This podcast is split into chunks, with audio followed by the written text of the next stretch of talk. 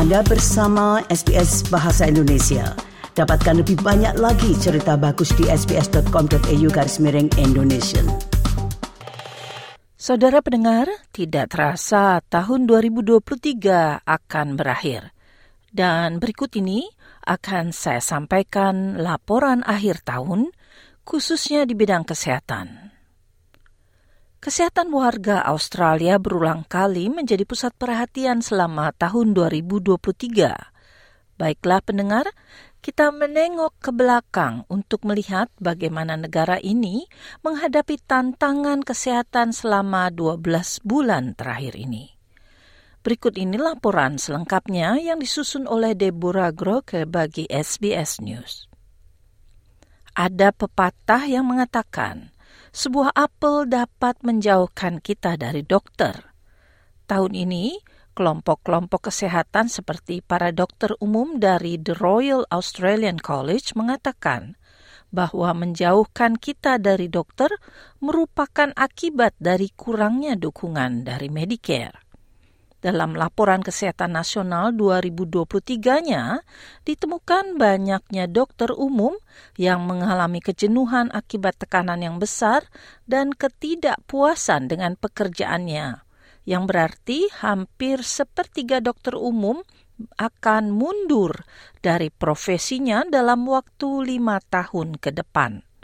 Seorang dokter umum dari The Australian Medical Association Dr. Kenneth McCrory mengatakan, hal tersebut akibat banyak dokter yang berada di bawah tekanan yang terus bertambah. You know, remuneration compared to other specialties, uh, the inability to keep your doors open, practices closing left, right, and centre because they can't afford to, to keep seeing their patients essentially for free, then it's a pretty no-brainer. Berikutnya adanya sebuah tajuk berita yang menonjol tahun ini mengenai kekhawatiran siapa saja yang dapat mengakses dana asuransi disabilitas nasional. Karena 35 persen dari para peserta asuransi memiliki diagnosa utama autisme. Sebenarnya Menteri NDIS Bill Shorten telah memastikan selama tahun ini dana tersebut hanya diberikan kepada target sasaran yang tepat dan meyakinkan pemerintah negara bernegara bagian dan teritori untuk menanggung beban lebih besar dalam pendanaan disabilitas agar dana asuransi tidak hanya pilihan satu-satunya bagi mereka yang membutuhkan. The NDIS is not what it should be. It is not delivering the outcomes Australians with disabilities need and the Australian public expects. For the NDIS to reach its potential, it needs a reboot. Hal tersebut mengkhawatirkan bagi para pembela neurodiversity yang merasa tertinggal tanpa bantuan apa pun. Beberapa orang seperti Kristen O'Connell yang berbicara kepada SBS mengenai kesulitan yang dihadapinya untuk mendapatkan NDIS atau pengalaman dananya yang mengalami penurunan. I'd been hearing from other autistic people that they had had really big cuts to their plans when they were up for review. And then I was feeling pretty worried about my review. And sure enough, I got a letter in the middle of January telling me that I would lose 75% of my supports with my psychologist, which is my most important support. Perkembangan penting lainnya dalam bidang kesehatan tahun 2023 adalah permintaan maaf secara formal bagi para korban thalidomide yang masih hidup. Perdana Menteri Anthony Albanese menyampaikan permintaan maafnya kepada semua yang terdampak dari obat penghilang rasa mual bagi para ibu hamil yang berakibat kelahiran cacat bagi anak-anak mereka setelah peringatan akan keamanan obat ini tidak dihiraukan oleh pemerintah secara berturut-turut.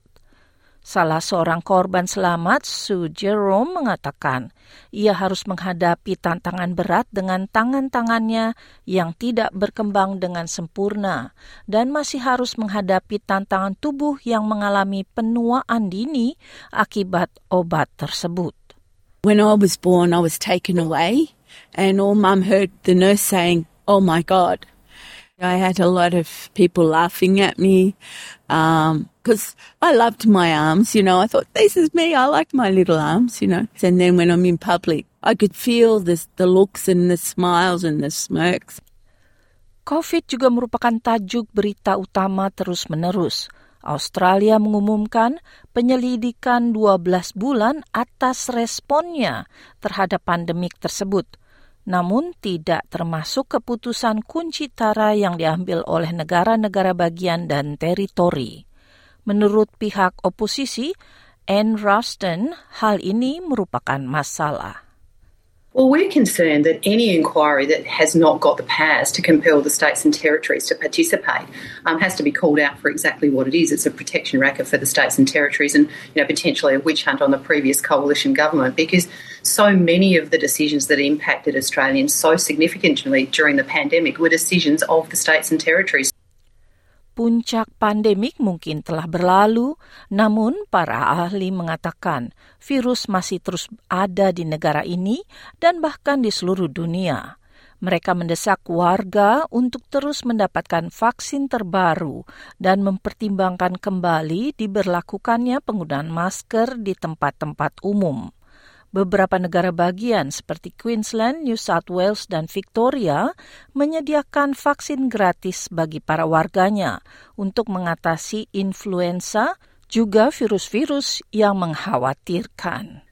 Chief Health Officer New South Wales, Carrie Chan, menghabiskan waktu yang cukup lama untuk mendorong para orang tua untuk memberikan vaksin tambahan bagi anak-anak mereka setelah seorang siswa kelas 9 di New South Wales dan seorang anak berusia 11 tahun dari Queensland dari Sunshine Coast meninggal akibat tertular influenza B. So what we're actually seeing this year is a significant impact on our 5 to 16 year olds or our school aged children. This is in part related to the type of influenza that's circulating, influenza B, and that type tends to be associated with a greater impact on school aged children. Beberapa berita baik datang dari anak-anak bangsa pertama dengan menurunnya jumlah anak-anak berusia 0 hingga 14 tahun yang mengalami masalah pendengaran dari 11 persen di tahun 2001 hingga kini menjadi 6,9 persen saja di tahun 2019. Namun, Profesor Calvin Kong dari Universitas Newcastle dari Fakultas Kedokteran dan Kesehatan Umum berbicara kepada NITV News, masih banyak yang harus dilakukan dalam mengatasi masalah pendengaran ini bagi para ba warga bangsa pribumi. The downside of it is that it is still a long wait to be seen. We're still falling behind on some of our language and developmental milestones, and we're still getting quite a lot of uh, hearing rate loss in the incarcerated justice system. Victoria juga menjadi pusat pemberitaan tahun ini ketika terjadi perubahan hukum dalam kasus mabuk di tempat umum. Saat ini mabuk di tempat umum bukanlah tindakan kriminal lagi setelah Menteri Ingrid Stout menganggap hal tersebut merupakan masalah kesehatan umum. There's been close work um, between the health-led response teams that we are setting up and emergency services, and that will continue to be the case. Uh, we are, of course, uh, keen to get the Collingwood service up and running, and that's only a few weeks away, and that will give us additional capacity. But I am very confident that we've got the model right because it's been based on the outcomes of the trial period uh, and all of the data um, that's been available to us. Reaksi muncul beragam. Serikat Buruh Kepolisian Victoria menganggap peraturan baru tersebut membatasi otoritas polisi untuk mengamankan pemabuk yang mengganggu ketertiban umum yang berakibat keamanan masyarakat berkurang. Namun di lain pihak, para warga pribumi menyambut baik perubahan tersebut. Kelompok warga ini mengatakan sudah saatnya aturan tersebut diubah dekriminalisasi merupakan salah satu rekomendasi dari penyelidikan royal atas kematian warga pribumi dalam tahanan 30 tahun yang lalu. Sebuah perubahan besar peraturan lainnya yang terjadi tahun ini adalah 60 hari bagi pemberian resep obat-obatan, khususnya bagi orang yang hidupnya bergantung pada obat-obatan tersebut. Sebelumnya mereka hanya diperbolehkan mendapatkan suplai obat selama 30 hari. Sekarang dapat menerima suplai selama 60 hari dengan harga resep 30 hari. Berikut ini pernyataan Menteri Kesehatan Mark Butler. 30 day scripts make a lot of sense if you're going to your doctor and seeking a single course of medicine for a single episode of illness, for example, an infectious disease. They make no sense for people who are on the same medicine year in, year out, decade in, decade out, sometimes for the rest of their lives, which is why the experts advised us to allow 60 day prescriptions, which will give 60 day supply of medicines for the price of a 30 day script, halving the cost of medicines for 6 million Australians, we think, who are, uh, who are dealing with these ongoing health conditions. Warga Bridgetown di Australia Barat sekitar tiga jam di tenggara Perth menjadi berita tahun ini ketika para retailer penjual minuman energi menghentikan penjualannya bagi anak-anak di bawah usia 18 tahun sebuah percobaan awal selama empat bulan menjadi tolak ukur bagi seorang dokter umum, Dr. Sarah Youngson, yang menerima laporan dari para warga atas meningkatnya minuman berenergi yang dikonsumsi oleh para anak-anak yang berdampak pada kesehatan mental mereka. Menurut Dr. Youngson, minuman tersebut mengakibatkan rasa takut berlebihan, kesulitan tidur, dan juga akibatnya terhadap meningkatnya absen dari sekolah dan kesehatan secara keseluruhan. Sementara itu penelitian lainnya menemukan aktif dan bahagia di kalangan orang muda mengalami penurunan di tahun 2023 dibandingkan dengan tahun-tahun sebelumnya. Dr. James O'Donnell merupakan ketua penelitian ini.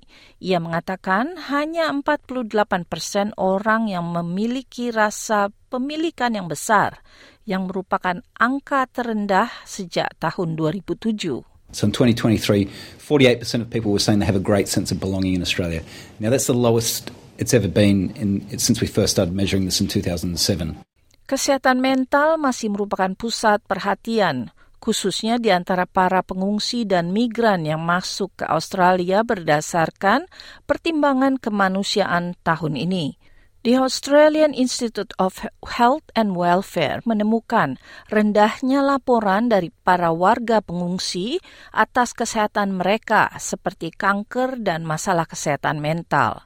Vanessa de Sousa dari lembaga tersebut mengatakan pertimbangan budaya merupakan alasan rendahnya laporan tersebut. There might be a, a reluctance or a stigma attached with talking about mental health conditions and that maybe accessing services might be difficult. So we do hope that it shines a light in some ways in some of the areas that could be improved on. Demikian tadi laporan yang disusun oleh Deborah Groke bagi SBS News. Anda ingin mendengar cerita-cerita seperti ini? Dengarkan di Apple Podcast, Google Podcast, Spotify, atau di mana pun Anda mendapatkan podcast Anda.